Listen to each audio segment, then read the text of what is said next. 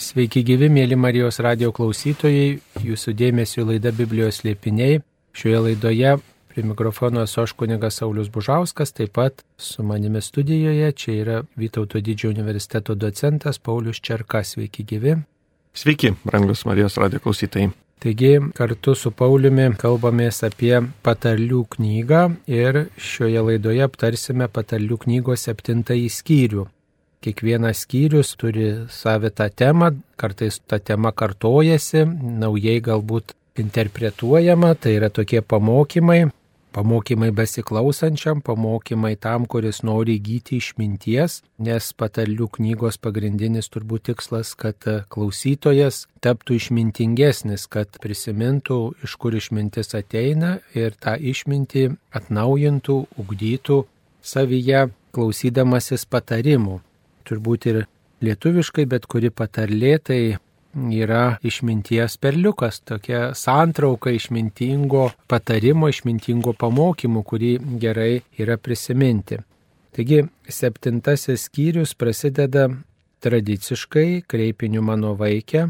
Mano vaikė laikykis mano žodžių ir brangink įsakymus mano, laikykis mano įsakymų, kad gyvenimą rastumėj, saugok mano mokymą, likys būtų tavo akies lėliukė tai turbūt kartojasi ta tema brangink, laikykis, saugok, gink, prisimink, nes tai susijęs su tokiu nuolatiniu paraginimu branginti paties viešpatie žodį, ar ne?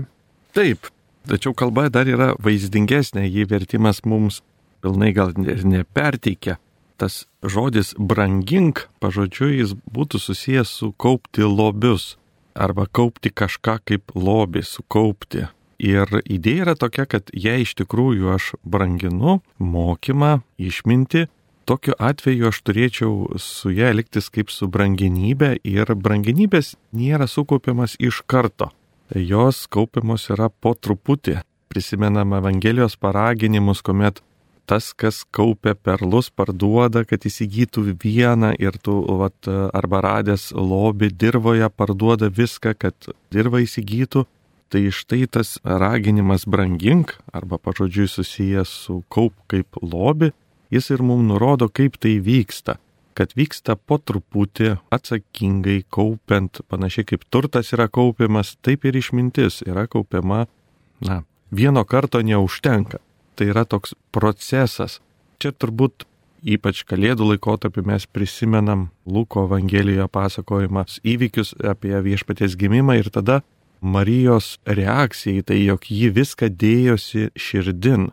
Būtent tas kaupimo momentas kaip dėmesingumas, prisiminimas, įsidėmėjimas ir va toks po truputį, po truputį augimas išmintyje. Na, antros eilutės pabaigoje turbūt visiems suprantamas palyginimas su akies lėlyte. Akies lėliukė yra toks labai svarbus organas, nes mes akies lėliukės dėka galime matyti, orientuoti šiame pasaulyje ir ji turbūt yra labai pažeidžiama ir sako, saugok kaip akies lėlytė, tai reiškia labai rūpestinga ir kruopši, nes nuo to priklauso tavo orientacija šitam pasauliu, kiek tu galėsi matyti. Tai reiškia, jeigu įsakymas, įstatymas, Dievo įsakymai, Dievo žodis yra lyginami su akies lėliukė, tai tikrai žmogaus gyvenime tai yra labai svarbu, kaip mums svarbios akys, taip turėtų būti svarbus ir mums dovanotas įstatymas, Dievo įsakymai ir apskritai penkiaknygė tora žydams, bet plačiaja prasme turbūt pats Dievo žodis, paties Dievo patarimai, kad tai būtų mūsų akim šviesa, kad tai padėtų mums orientuoti šitam pasaulį. Be abejonės taip, iš tikrųjų mes su akimis labai labai atsargiai elgiamės ir labai rūpestingai, tikrai saugome, kad jas nepakliūtų įvairių šiukšlių priemaišų ar smėlio ar kažko saugome, tai panašiai ir žmogus turėtų na, reaguoti į mokymasi Dievo pažinimą, į tuos dalykus, kurie iš tikrųjų yra labai fundamentalūs. Ir jei juos pažeisime, mes pirmiausia pažeidžiame savo regą. Tarytum, na, mūsų akis nebegali sveikai matyti. Septintojo skyriaus trečioje eilutėje yra priminimas senos žydų taisyklės nešiotis užrištą prie savo kūno, užrištą Dievo įsakymų lentelių dalelę, kitaip sakant, ištraukas iš Dievo įsakymų. Taip pat tai yra priminimas Dievo įstatymo plokščių, kurios buvo įrašytos Mozėje ant Sinajaus kalno. Užsirišk patarimus, įsakymus savo ant pirštų, įsirašyk juos savo širdies lentelėje. Tai turbūt aiškiai nuoroda į Mozės įstatymą taip. ir taip pat į tą tradiciją nešiotis specialioje dėžutėje visada su savimi Dievo įsakymų ištraukas. Taip, čia akivaizdi nuoroda į tą pakartoto įstatymą šeštam skyriuje sutinkama nurodymą ant rankų ir ant kaktos turėti Dievo įsakymų ištraukas, o štai čia tai, ką Mozė taikė torai, tai Saliamonas taiko išminčiai. Ir iš čia mes nuvokiam, kad išmintis iš tikrųjų yra, tai ir yra Torą, o mes krikščionis matome už išminties antrąjį trybės asmenį viešpatį Jėzų Kristų. Bet dar tokia gilesnė prasmė galėtų būti svarstant apie pirštus ir širdį. Žinom, kad pirštais mes darome gerą ir darome blogą turbūt, darbai visi atliekami rankomis, Jeigu Dievo įsakymai, Dievo išmintis, Dievo žodis lydėtų visus mūsų darbus, tai turbūt nuodėmės būtų mažiau. Ir lygiai taip pat širdies lentelėje įrašyk įsakymus, o širdis tai yra tokia apsisprendimo vieta, tai jeigu aš apsispręščiau visada galvodamas, ką apie tai masto Dievas arba kaip Dievas man patarė šitoje vietoje, tai turbūt ir tų netinkamų pasirinkimų būtų mažiau. Pritardamas tik papildyčiau, kad čia iš tikrųjų neįprastas darinys yra širdies ir pirštų, Ir šiuo atveju pirštai yra žmogaus, galima pasakyti, toliausias organas, taip toliausias, o širdis yra giliausias. Kažkuria prasme tai yra nuo gelmės iki pat, iki pat galo. Reiškia, na, pirštai yra mūsų paskutinis toliausiai siekiantis organas ir jeigu mes iš vienos pusės įdedam širdį, kas yra tokia šaltinis gelmė ir pirštus, kas yra pats pats išorinis organas, mes taip apibūdinam visą žmogų, nuo širdies, reiškia, nuo gelmės iki galo, jeigu apie medį kalbėtume, nuo šaknų iki lapų. Na, ketvirta eilutė, tokia irgi labai kūrybingai pristatanti išmintį, sakyk išminčiai tu mano sesuo, vadink supratimą artimų draugų. Tai žinom, kaip branginam šeimos narius, kaip branginam draugus, tai turbūt tas tinka ir Dievo teikiamą išminčiai, jo žodžiui, jo mokymui, toks artumas, artimumas žmogui. Iš įvairiais būdais bandoma pristatyti turbūt, kad tas įstatymas nėra kažkas, kas mus varžytų, kas mums būtų svetima, bet kad tai mums yra visokiojo pagalba ir toks artumas, paties Dievo artumas turbūt. Taip, čia iš tikrųjų labai fundamentaliai lūtė ir daug kartų mes sutiksime gesmių gesmėje ir kitoj panašioje literatūroje žmogaus ir Dievo santyki, tik šį kartą jei Dievas ir žmonija dažnai sulyginamas yra kaip jaunikis ir jaunoji, tai siela ir vėlgi toks vat, ryšys su Dievu išmintis yra atvirkščiai. Čia jau mes randam brolį ir sesę arba vėlgi, na, jaunikaitį ir tą jaunąją, su kuriais kuria šeimą, nes biblistinėje literatūroje kartais seserim galima vadinti ir žmona. Tai nebūtinai turi būti jinai, na, sakykime, savaime nebūtinai žmona. Tai reiškia geruose santykiuose, kuomet yra ypatinga artimuose santykiuose, galima ją kreiptis taip pat kaip į seserį. Tai rodo tų santykių labai glaudų artumą. Bet vaizdinys, kurį mes sutinkame, mes jau penktojo lūtį matom ir tikslą, kad apsaugotų tave nuo svetimos moters, nuo tos, na, svetimautojas, kaip verčia palaidūnės, iš tikrųjų ir gyvenime yra, na, pastebėta tokio ryšio, kad labiausiai vyrą apsaugo nuo, na, tokių kvailų romanų, dažniausiai jo draugai arba sesuo, kurie vėlgi yra moteris, gali kažkiek tai padėti susigaudyti tose santykiuose. Ir toks vad paradoksas, kad geriausia žmogui patarė dėl jo, na, sakykime, ryšio, tai yra jo arba draugas geras, kuris mato iš šalies, arba sesuo, Ir štai čia vaizdinyje sako, jei išmintis būtų tarytum sesuo, tai jie apsaugotų tave. Šiuo atveju alternatyva Dievui būtų ta kvailystė ar stabmeldystė, geismingumas, tie dalykai, kurie mus tolina nuo Dievo, bet pasirodo, kad kaip sesuo gali padėti geruose santykiuose, sakykime, susigaudyti juose, tai lygiai taip pat ir išmintis, kaip jeigu jinai taps tavo seserimi, tu su ją taip susiartėsi, tai padės apsaugoti tave nuo nuodėmės. Na, va, nuo šeštos eilutės jau prasideda tam tikras siužetas, šiaip tai visose patarlių skyriuose iki šioliai buvo tik tai tokie patarimai, priminimai, paraginimai, toks padarimas išvados, kas bus, jeigu nesilaikysi išminties, o štai čia prasideda tokia trumpa istorija, siužetinė istorija turinti savo siužetą. Juk prie savo namų lango žvalgiausi pro pinučius ir pamačiau tarp neišmanėlių bernioką be sveikos nuovokos. Jis ėjo per gatvę netoli jos kampo. Žengdamas keliu jos namų link prieblandoje dienai blėstant, sutemuose nakčiai temstant. Žiūriu, moteris eina prie jo įsipuošusi kaip kekšė, sukta širdimi, ji veržli ir įžuli, namie jos kojos nenustovi.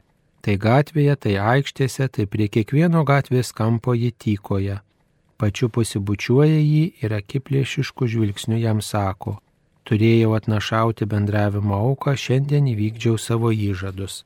Taigi berniokas nuo šeštos eilutės pristatomas kaip neturintis veikos nuovokos. Tai tas jaunas amžius turbūt pabrėžia, kad žmogus neturi nei patirties, nei gyvenimiškos patirties, nei turbūt klauso kitų patarimų. Taip galima suprasti. Taip, patarlių knygoje mes turim tris tokias klases, reiškia, yra tas nesimokė ar paprastieji, toliau yra kvailiai ir įžulieji. Tai pirminė būsena yra ta, kaip tiesiog nesimokiusio, ar ne, arba pirmoko mes pasakytume. Tai tas paprastumas, turime omeny pažinimo prasme paprastumas. Jis yra paprastas, jį galima išversti kaip jaunuolį savo pažinimo prasme ir tai yra mūsų herojus. Jis neturi patirties ir dėl to, kad jos neturi, na, elgesi, vad kaip jis elgesi, bet štai čia įdomu yra ta šešta eilutė, jog stebėjimas vyksta pro namų langą, pro pinučius, čia yra panašu, kad antrame aukšte labai atsargiai stebimas procesas iš saugių atstumų. Matot, autorius neseka paskui jo, jis seka į labai iš toli ir iš to mokosi. Na, kažkuria prasme, iš tikrųjų, jeigu mes norime mokytis, mums tenka kartais nagrinėti irgi, kaip veikia nuodėmė, taip kaip veikia tas aistringumas ir gundimas. Ir galima turėti tokį atstumą, kuriuo, na, tavęs jis nepaveiks, tačiau tu pasimokysi, matydamas, į kokią tragediją puola, na, mūsų pagrindinis veikėjas, šitas jaunuolis. Tai toks įdomus, kad prote mes galime nagrinėti, tarytum žiūrėti, tarytum tai yra mūsų tas, va, langas, pro kurį mes stebime, bet iš tikrųjų tai yra, reiškia, mąstymo langas. Mąstyme mes matome procesus ir čia šiuo atveju labai gražiai yra pavaizduotas, sakykime, mūsų mąstymo langas, kaip mes stebime na, įvykius ir juos bandome suprasti. Dar toks dalykas tie pinučiai, reiškia, grotelis, kitaip sakytume. Taip. Tai tokia detalė, kuri turbūt irgi, nu, neatsitiktinai čia pabrėžta, kad tai teikia tam tikrą saugumą, kad manęs tas nuodėmės veiksmas kažkokiu būdu neįtrauks.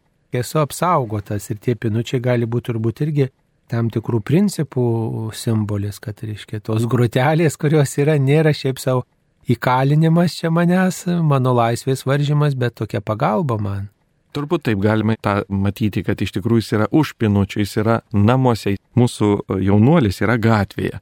Ir jis vaikšto, vaikšto gatvėje nesaugiai prieblandoje ir, sakykime, neatsargiai prisartina prie šios moters namų, o stebėtojas yra saugiai, jis yra namuose, jis neina į gatvę naktį, ar ne? Ir jis tik žiūri pro pinučius į tą, kuris eina. Tai vad visiškai dvi skirtingos būsenos to proceso, kuris įvyks, na ir tas stebėtojas yra saugus šiuo atveju. Taip ir yra gatvė, tai turbūt pavojų visokių simbolis ir nuodėmių simbolis. Ir dar devinta eilutė pabrėžia, kad prieblanda ir diena blėsta, sutemose nakčiai temstant. Tai reiškia naktis Biblijoje toksai nežinios laikas, išbandymų laikas ir tokie svarbus pasirinkimai naktį padaromi ne tik tai geri, bet ir blogi. Dažniausiai blogi tokie, ar ne? Mes nakties simbolį sutinkame daug kur ir tie gesmių gesmiai daug veiksmo vyksta naktį. Na, va, švento kryžiaus Jono Mes turime taip pat naktis, tris naktis ir jos tamsumus ir sielos tam tikrus sprendimus nakties metu. Ir šiuo atveju vėl tai yra suprantama, kad daugiau negu tik fizinė naktis, tai tam tikra sielos būsena, neapibrieštumo, neiškumo ir labai svarbu, kas tuo metu yra daroma, kur link nueinama. Nes vėliau mes matysim, kad padarinius labai sunku būtų atgręžti. Reikia sustoti pačioje pradžioje, neatsirasti gatvėje. Taip ir toliau nuo dešimtos eilutės jau aprašoma toji moteris, kuri prisertina prie to bernioko. Labai įdomu, kad ne berniokas eina, veržiasi prie tos moters, bet ta moteris tiesiog jį pasigauna. Kitaip sakant, tas pasidavimas pagundai tokiai, kuri, na, žmogaus tyko, ypatingai kai jis yra išbandymų laukia, išbandymų situacijose. Žiūriu, moteris eina prie jo įsipuošusi kaip kekšė, sukta širdimi, į veržlį ir įžulį namie jos kojos nenustovi. Turbūt tas sulyginimas su tokia palaida moterimi, tos moters rodo, kad ketinimai nekokie ir kad namuose saugioje erdvėje ji nebūna. Turbūt ta mintis tokie namai tai yra ta saugi erdvė, kur žmogus yra darnoj su savaisiais, su savimi ir aišku su Dievu, toks Dievo artumo įvaizdis galbūt irgi yra namai, o reiškia ta, kuri gundo, ji nesilaiko Dievo artumo principo, Dievo artumo tokios traukos. Taip, čia mes sutinkame jau ne pirmą kartą patalių knygoje, šią, taip vertėjai vis skirtingai verčia, pažodžiu būtų tiesiog svetima moteris arba tiesiog tai reikštų ištekėjusi priklausanti kitam. Svetima moteris ir ji, matom, nesilaiko namuose, kur mes tikėtumės, kad ji būtų, nes vėliau mes išgirsim, kad ji turi vyrą, vyras yra išvykęs ir tokia yra ta padėtis. Ir šiuo atveju pirmosiose devyniose skyriuose mes sutinkame iš principo vat, nuolat tas dvi moteris.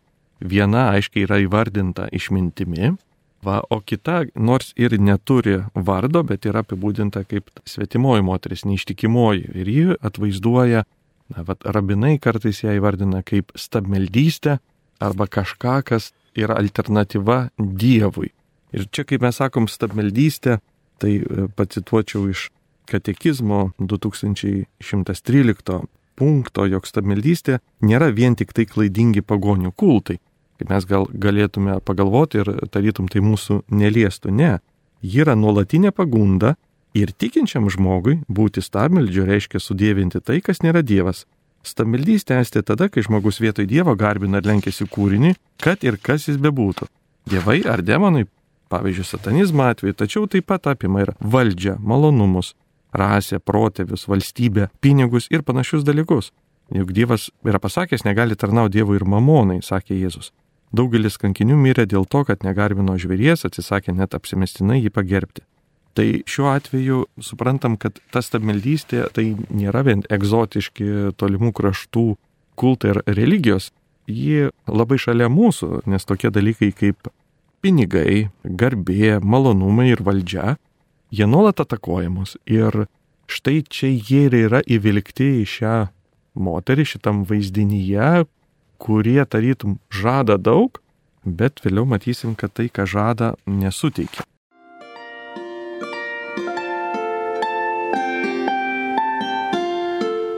Jūs girdite Marijos radiją.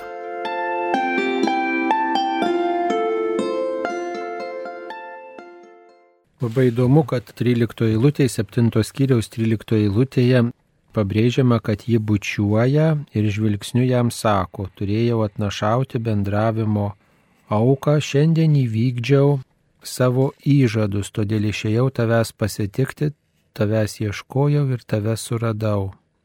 Tai apie ką čia kalbama, apie kokią bendravimo auką. Matot, tais laikais puota būdavo tikrai nekasdienis dalykas, galbūt mes savo gyvenime turbūt prisimintume sovietmečio modelį, kuomet iš tikrųjų tik per šventes arba kažkokias tai skirtinas datas galima buvo turėti pilną stalą, nes kai kurie patiekalai nebuvo prieinami kiekvieną dieną. Tai to meto kultūroje lygiai taip pat mėsos patiekalai, jie buvo toli gražu nekasdieniški ir atlikus aukojimą, kadangi aukojimas būdavo na, gyvuliai, tai tada buvo galimybė dalyvauti toje aukoje, na, dalis aukos likdavo ir aukotojui tos mėsos ir natūralu, tai būdavo šventė šeimoje. Tai iš esmės, ką jis sako, kad tai yra išskirtinė diena, mes galim potauti, aš esu pasiruošusi šventėjai, taip supuolė, ar ne, kad vat, turėjau šiandien tą bendravimo auką, reiškia, yra mėsos, yra pilnas stalas. Tai čia tiesiog perteiktas na, sakykime, vaizdinys, kad šiandien galime potauti. Taip išpuolė, kad vat, ši diena yra puotos diena. O ar čia nebūtų galima septintame skyriuje 14 eilutėje išvelgti tam tikrą stabmeldišką tokį kultą, nes ypatingai, reiškia, stabmeldystėje, ypatingai ten, kur norima palengti vaisingumo galę, kur norima būti stipriam ir turėti palikonių ir tiesiog pratesti giminę ir panašiai, tai reiškia būdavo tos netinkamos apėgos būtent to intimioje srityje, tai galbūt ir čia, reiškia, va ta moteris svetimautoje, ji tiesiog nori įtraukti tokiu būdu tą vaikiną, bet į savo kultą, ne į kažkokį bendrystę tokią, kuri teiktų tokią prasme, meilę pagilintų ir tokia teiktų laisvę, bet kaip tik tai nori palengti tą stammeldystę ir toj srity bendrystę su juo turėti. Tai šiuo atveju jį vaizduoja stabmeldystė, bet jeigu mes žiūrime į tą vaizdinį, jaunuolio ir tas moters, tai šiuo atveju ta auka, apie kurį jinai kalba, jinai nėra stabmeldiška. Tai tiesiog išsireiškimas reiškintis, kad šiandien bus puota ir kadangi puotos vykdavo tik tai išimtinomis dienomis po aukojimo, Tai kalba jam duoda užuominą, kad taip supuolė ši diena išskirtinė, nes kaip tik šią dieną aš buvau atlikusi auką, tai reiškia bus šventė, na taip pat tai reiškia, kad ji yra švari, ją galima liesti, čia dar, sakykime, užuomina jam, kad jeigu jinai jau aukojo, tai reiškia jinai ceremonialinė prasme, apieginė prasme yra švari. Tai tokie du nurodymai, kad ji yra pasiruošusi, na, santykius užmėgsti ir yra paruošusi didelę šventę namuose. Vaizdinys be bejonės yra pagoniško kulto, jau, bet tai yra, ką mums vaizdinys kalba. O pats vaizdas, kurį matome, tai yra tiesiog, na, Izraelija tuo būdu buvo pasakoma, kad va, vyksta šventė šiandien mano namuose. Na, va, ir jinai 15 eilutėje, toji moteris, turinti vyrą, bet linkusi svetimauti, Jie tiesiog gundo tą jaunuolį. Todėl išėjau tavęs pasitikti, tavęs ieškoti ir tave suradau. Išpošiau savo guolį užvalkalais, spalvotomis egiptiečių lino lovatėsėmis, iškvėpinau savo lovą mira, alavijų ir cinamonu. Tai tas toks įvertinimas, kad tu man esi svarbus, nes tavęs išėjau ieškoti ir gundimas turėti intimų ryšį su tuo žmogumi ir, ir neveltui turbūt ir tie egiptiečiai paminėti, tai tikrai žydams svetimas kraštas, vergovės simbolis ir kartu stabmeldystės simbolis. Taip, čia iš tikrųjų labai gražiai suausta yra, kad vaizdinyje mes sutinkame vat, Egipto liną ir iš tikrųjų istorikai mums patvirtina, kad Egiptas išsiskyrė tuo, kad būtent ten buvo iš lino gaminami įvairūs gaminiai, bet vaizdinys be bejonės Egiptą mums asocijuoja su išėjimu iš Egipto, su nuodėme, su iš krikštų išvaduojama prigimtinė nuodėme ir va tie simboliai štaiga čia persikeičia, kad jos namuose yra daiktai iš Egipto. Ir toliau lygiai tie kvapnus dalykai, jie taip pat yra iš kitų kraštų. Ar ne? Tai yra vat, tam tikrų svetimybių elementų rinkinys ir visi tie elementai pas ją renkasi. Tai čia vaizdinė matom, kad reiškia daug, daug iš užsienio atgabentų dalykų ir tai simbolizuoja tos svetimus Dievo tautai dalykus, mat, kurie visi pas ją yra surinkti ir visi skirti vilionėms.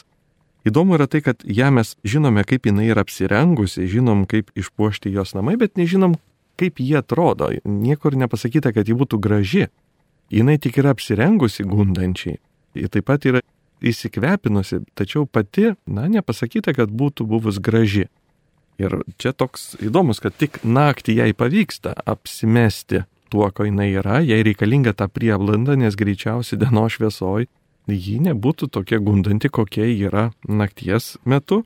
Ir nekarta, reiškia, kalbant apie tą moterį ankstesnėse skyriuose, mes matėm, kad pagrindinis jos ginklas yra meilikaujančios lūpos, tai yra įvairūs va tie pareiškimai, kurie skamba labai labai viliojančiai, nebūtinai jie yra visi tikri, bet jie tikrai atkreipia dėmesį, ar ne? Nes žmogus pasijaučia išskirtinis, sako, aš išėjau kaip tik tavęs pasitikti, apie tave galvojau, tave suradau. Mes žinom, kad jie susitinka juk pirmą kartą, tačiau jinai iškart pareiškia, kad ji nuolat apie jį galvojusi, netgi jam jau ir puotą suruošusi ir patalus paklojusi. Na, sveikas protas sako, tai būti ji negali, jūs matotės pirmą kartą. Bet matom, kad žmogus apsvaigsta nuo to dėmesio ir galima pasakyti, na, patiki, kad iš tikrųjų jis buvo be galo lauktas ir, ir svarbus. Ir svarbus. Taip, 18 eilutė turbūt gali papiktinti tuos, kurie visada tikisi Dievo žodyje tokių šviesių, tyrų dalykų, o štai čia tokia tiesioginė užuomina į nuodėmę, eime, pasinerkime į meilę iki ryto, pasimėgaukim glamonėmis. Tai tas kvietimas intimumui jau vien tik tai, kad minimos ankstesnėse eilutėse guolis, užvalkalai, lovatėsės, reiškia kalbam apie lovą, Ir tada jau tas tiesioginė tokia užuomina į meilę, glamonės, nu, rodo turbūt tą tokį intimumą, kad tokiu būdu nuodėmė kėsinasi, bet turbūt turima galvo ir kažkas kita per tą tokią intimumo pagundą. Na, iš tikrųjų, šventam rašte mes sutinkam, gali būti mum įpratusiam prie vakarietiško tokio labiau šaltesnio mąstymo, Tačiau sutinkame vaizdinį, jog žmogus ir Dievo santykė dažnai yra perteikimas šeimininis ryšys, santokinis šeimininis ryšys, už kurio taip pat slypi imtimumas, tas pažinimo imtimumas, dalyvavimas vienas kitame. Ir lygiai taip pat, na, alternatyva arba antipodas šitam santykiui e, žmogaus ryšys su stabmeldystė vėlgi yra perteikiamas tais pačiais, bet dabar jau už santokiniais ryšiais. Ir už to stovi, na, turbūt mintis, kad tikėjimo patirtis yra daug daugiau negu intelektinė patirtis.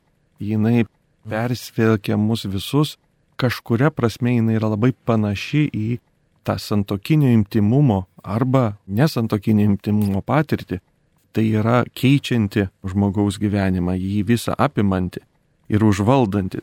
Tai šiuo atveju, nors čia mes turime tą alternatyvos netikėjimo arba nuodėmės suartėjimą žmogaus su nuodėmė, tarytum tai yra imtimus ryšys, bet lygiai taip pat ir suartėjimas su Dievu yra perteikiamas per santokinio kalbą. Ir vieną, ir kitą.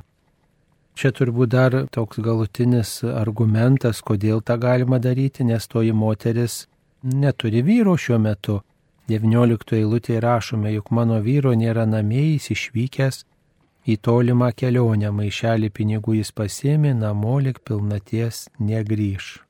Tai toks garantas, toks nuodėmės garantas, kad tai bus slapta, kad tai niekas nežino, kas turi teisę tame guolyje būti, tas nežino, to nėra, todėl galima naudotis. Taip, čia mes sutinkame būtent tą aplinkybę, kad ji turi vyrą, taip, dėl to jinai vadinama svetima moterim, tačiau tas vyras yra išvykęs. Ir išvykusio vyro simbolis yra kažkiek panašus iš tikrųjų į Dievą, kuris tam tikrų aspektų, galima pasakyti, na, akivaizdžiai pasaulyje šiuo metu nėra matomas. Taip, mes sutinkame, kad jo, na, akivaizdumo laipsnėje negali matyti. Jis tarytum yra išvykęs ir, aišku, kažkuriuo metu turėtų tas pasibaigti etapas, ar ne, jo išvykimo, bet kaip skirtingai žmogus gali sureaguoti. Vienam vyro išvykimas gali reikšti, kad reikia puoselėti tą ryšį ir, na, sakykime, tą ilgesį puoselėti, ar ne, jeigu yra santokinis ryšys. O kitam tai yra proga daryti išvadą, kad jeigu išvyko, tai, na, kaip ir jo tarytum ir nėra, reiškia, nes jis yra išvykęs. Ir tą apie išvykusi šeimininką mes Jėzaus patarlėse mes galim sutikti daug kartų, kuomet patarlė prasideda to, kad šeimininkas išvyksta ir paskirsto na, tarnams kažkokias užduotis ar turtus, o vėliau grįžęs laukia jų ataskaitos. Tai daugelį kartų arba išvykęs atiduoda vynogyną išnuomoja ir vėliau siunčia tam tikros gražos iš to vynogyno. Daug kartų mes matom tą vaizdinį išvykusio pagrindinio šeimininko palyginime ar, ar vyro ir tada iškyla klausimas, kaip elgesi jo namai, kaip elgesi tie, kas juos paliko. Ar šiuo atveju, na, mes galim savęs paklausti, kaip mes elgiamės, jog Dievo buvimas yra neakivaizdus, jis tarytum slepiasi. Toks yra filosofinis terminas Dievo pasislėpimas ir dėl to sutariama, kad jis tikrai nėra matomas, tik tai vieni teikia argumentus, kad jei jis būtų, jisai tikrai nesislėptų, na, o krikščioniškas filosofinis požiūris nurodo, kad priešingai jis kaip tik turi labai rimtų priežasčių pasislėpti nuo mūsų tam, kad išryškintų mumise tikrą santyki ir išbandytų kažkuria prasme savo pasislėpimu. Tai šiuo atveju mes matome, kad moteris simbolizuoja žmoniją maištaujančią arba tas ideologijas maištaujančias prieš Dievą. Jos gimsta tada, kai išnaudoja tai, kad Dievo nėra akivaizdžiai, jo buvimas nėra akivaizdus ir iš to gimsta tas maištingumas. Iš kitos pusės tas pats dalykas gali mumise pagimdyti ilgesį ir gesmių gesmiai, tas atitraukimas tarptų herojų priešingai meilę stiprina, reiškia tas išbandymas dar labiau sustiprina. Šio šiuo atveju, jos atveju parodo, kad jinai tik ir laukia progos parodyti tą neištikimybę.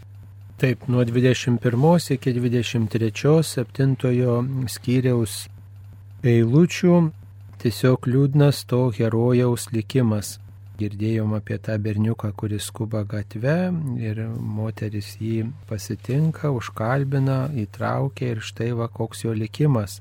Siužetas kaip baigėsi savo gundimais, jį paveikia, savo viliojančią šneką jį įtikina. Tučto jau įseka paskui ją, eina kaip veršis, vedamas kersti, šoliuoja kaip elnes į pastus, kol strėlė perveria jam vidurius, Jis yra tarsi paukštis, skubantis į kilpą ir nežinantis, kad tai jam gyvasti kainuos. Tai palyginimas su gyvūnu, su elniu, su paukščiu, kuris į pastus veržėsi tiesiog pats ir kaip veršis, kuris nesipriešina. Ir ką galim pasakyti, kas galėtų jį sustabdyti, jeigu taip gundimą jį paveikia ir vilionės įtikina taip jau šitame etape turbūt nieko nepadarysi ir patarimas buvo neatsirasti toje gatvėje, ar ne, nes suvokti savo silpnumą. Vietoj to, kad laikyti, kad uh, nieko tokio, aš tik tai šalia pabūsiu, na, dažnai būna žmonės taip sureaguoja su nuodėmė arba pagundimu, kad juk aš dar nieko nedarau, nieko tokio, jeigu aš būsiu netoli tos gundimo vietos. Tačiau mes suprantam, kad tas žaidimas su pagundimu jis gali baigtis pavojingai. Ir šiuo atveju paukščio skubančio kilpą vaizdinys jau sutikome mes ir pirmame skyriuje apie tai, kad paukštis nors ir mato, kuris spastas ruošiamas, bet vis tiek įsipainėja. Toks vad paradoksas. Reiškia, jis yra per kvailas suprasti, kur link juda tie padariniai, kas įvyks. Ir čia vat, tas kvailumas pasireiškia nepatyrusiame dvasiniu prasme, jaunuolyje, jog jis nenumato nuodėmės padarinių. Jis mato pačią nuodėmę, mato čia ir dabar, tam tikrą malonumą, bet negali nuprognozuoti, kur link veda tie vaisiai tokio santykio. Taip, ir tada nuo 24 iki 27 7 skyriaus eilučių jau apibendrinimas visos tos berniuko istorijos, kurį suviliojo ta palaido elgesio moteris, kuri primena stabus, kuri primena bet kokią nuodėmę mūsų gyvenime. Tai kokia išvada tas knygos autorius, patariantis vaikams, patariantis paprastiems žmonėms, neturintiems patirties, štai gali paskelbti. Nun tad vaikai klausykitės manęs ir dėkitės į širdį mano burno žodžius, neleiskite savo širdžiai sukti jos pusę, nenuklyskite į jos takus, nes jį daugelį pražudė, aukų jos užtektinai, jos namai yra kelias į šeolą, vedanti žemynį mirties kambarius. Tai čia turbūt kviečiama ne tik tai išgirsti tą, kad vaikai nedarykit, vaikai neikit, vaikai tenai nekiškit nosies, bet kartu priminimas yra tos liūdnos istorijos, kad daugybė yra nuodėmės pražudytų žmonių. Tai tiesiog atsimink, kad visi, kurie buvo arti nuodėmės, labai greitai buvo jos sužaloti. Reiškia, tai tarsi konkrečias istorijas turbūt turi galvoj. Taip, ir jis duoda konkrečius patarimus. Tai sako, dėkitės į širdį mano žodžius, iš principo tai, kas vyksta mūsų širdyje, tai nulėmė daugelį procesų ir mes turim labai daug dėmesio skirti dalykams, kurie yra mūsų vidinėme gyvenime. Čia pat pasituočiau vėl iš katekizmo 1853 punktą, kad kaip moko viešpats, nuodėmės šaknis yra žmogaus širdyje, jo laisvoje valioje. Širdie taip pat gyvena ir meilė, gerų ir tirų darbų pradžia nuodėmė ją sužeidžia. širdyje tie procesai, jie nulėmė, kur link žmogaus gyvenimas judės ir čia yra toks patarimas, kad saugok savo širdį, o dabar dėki žodžius į širdį, neleisk savo širdžiai sukti jos keliais, kiek daug akcentų yra apie širdį. Ir mes turim savo nuolat na, priminti, kad čia vėl paskaityčiau iš katekizmo 978 skirsnio, kad vis dėlto krikšto malonė neišvaduoja žmogaus iš visų prigimties silpnybių. Negana to, kiekvienam mums tenka kovoti su geismingumu, kuris mus nuolat traukia į nuodėmę. Tai kai kas yra pasakęs, kad galvojau, kad krikšto vandenyse nuodėmės mano nuskęs, o paaiškėjo, kad jos moka plaukti. Tai išlieka tas dalykas, kova yra nuolatinė ir tos kovos taktikos ir patarimų mes ir gauname. Ir tas vad kova su geismingumu yra tos moters vaizdiniu, tarytum jaunuolis turi būti nesugundytas šios moters, taip mes, nesvarbu, mes vyrai, moteris, jauni ir seni, savo dvasiniai kelioniai turim įveikti geismingumą. Toks yra autoriaus vaizdinių kalba perteiktas pamokymas. 27 eilutė labai įdomus dalykas, kad jos namai yra kelias į šiolą, jos namai. Tai, kad jie, gali sakyti, neturi tų namų, kad jie gatvėmis šlaistosi, kad jie ieško tų pasiklydusių, nesaugiai besielgiančių. Na, bet jie atveda, atveda vėliau savo auką į namus ir laikoma, kad va tose namuose procesai vykę jau tą žmogų kaip ir pražudo. Čia vėliau buvo aiškinama, kodėl, kaip ta pražutis atsiranda, jog atsiras pretenzijos ir to vyro, kuris grįž, ir visuomenė nuo jo nusisuks, na, jis praras ir turtus, ir kitus dalykus. Čia jau mes praeitam skyriui nagrinėjom, kaip pasireikšta mirtis įvairiais procesais, negarbė, pretenzijomis, konfliktais, tačiau iš principo to žmogaus gyvenimas, galima pasakyti, yra jau paveiktas neigiamai stipriai aš sakyčiau, tie namai tai tokie gal yra kaip spastai, tie spastai tos e, taip, kvailybės, taip. nuodėmės namai, viena vertus jie atrodo išpošti, iškvėpinti, bet tai yra tokia reklaminė kampanija, panašiai kaip sūris kvepia ir yra labai gražus pastuose, bet pelė, kurie ateina to skanaus kvepiančio sūrio pagriepti, ji sužeidžiama arba nužudoma yra, tai panašiai turbūt ir nuodėmė veikia mūsų gyvenime, kai mes susiviliojam gražiu kažkokiu dalykiu maloniu, bet kuris yra nuo Dievo toli, tai tada tikrai labai smarkiai nukenčiame. Be abejo, nes jeigu nuodėmė neturėtų to reklaminio patrauklumo, turbūt žmogus linkios ir nejudėtų. Ir nereikėtų tiek išmintingų patarimų.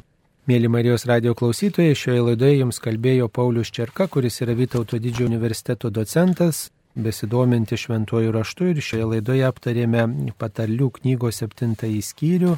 Kvietėme tikrai svarstyti, kad nuodėmė yra kaip moteris, kuri nusiteikusi labai svetimauti su tuo, kuris jie susidomi, bet tai atitraukia nuo išminties ir tai atveda į pražūtį. Paulių Čerką laidoje kalbino aš kunigas Saulis Bužauskas. Visiems linkime išminties ir ištikimybės Dievo įsakymams. Ačiū, sudė. Sudė.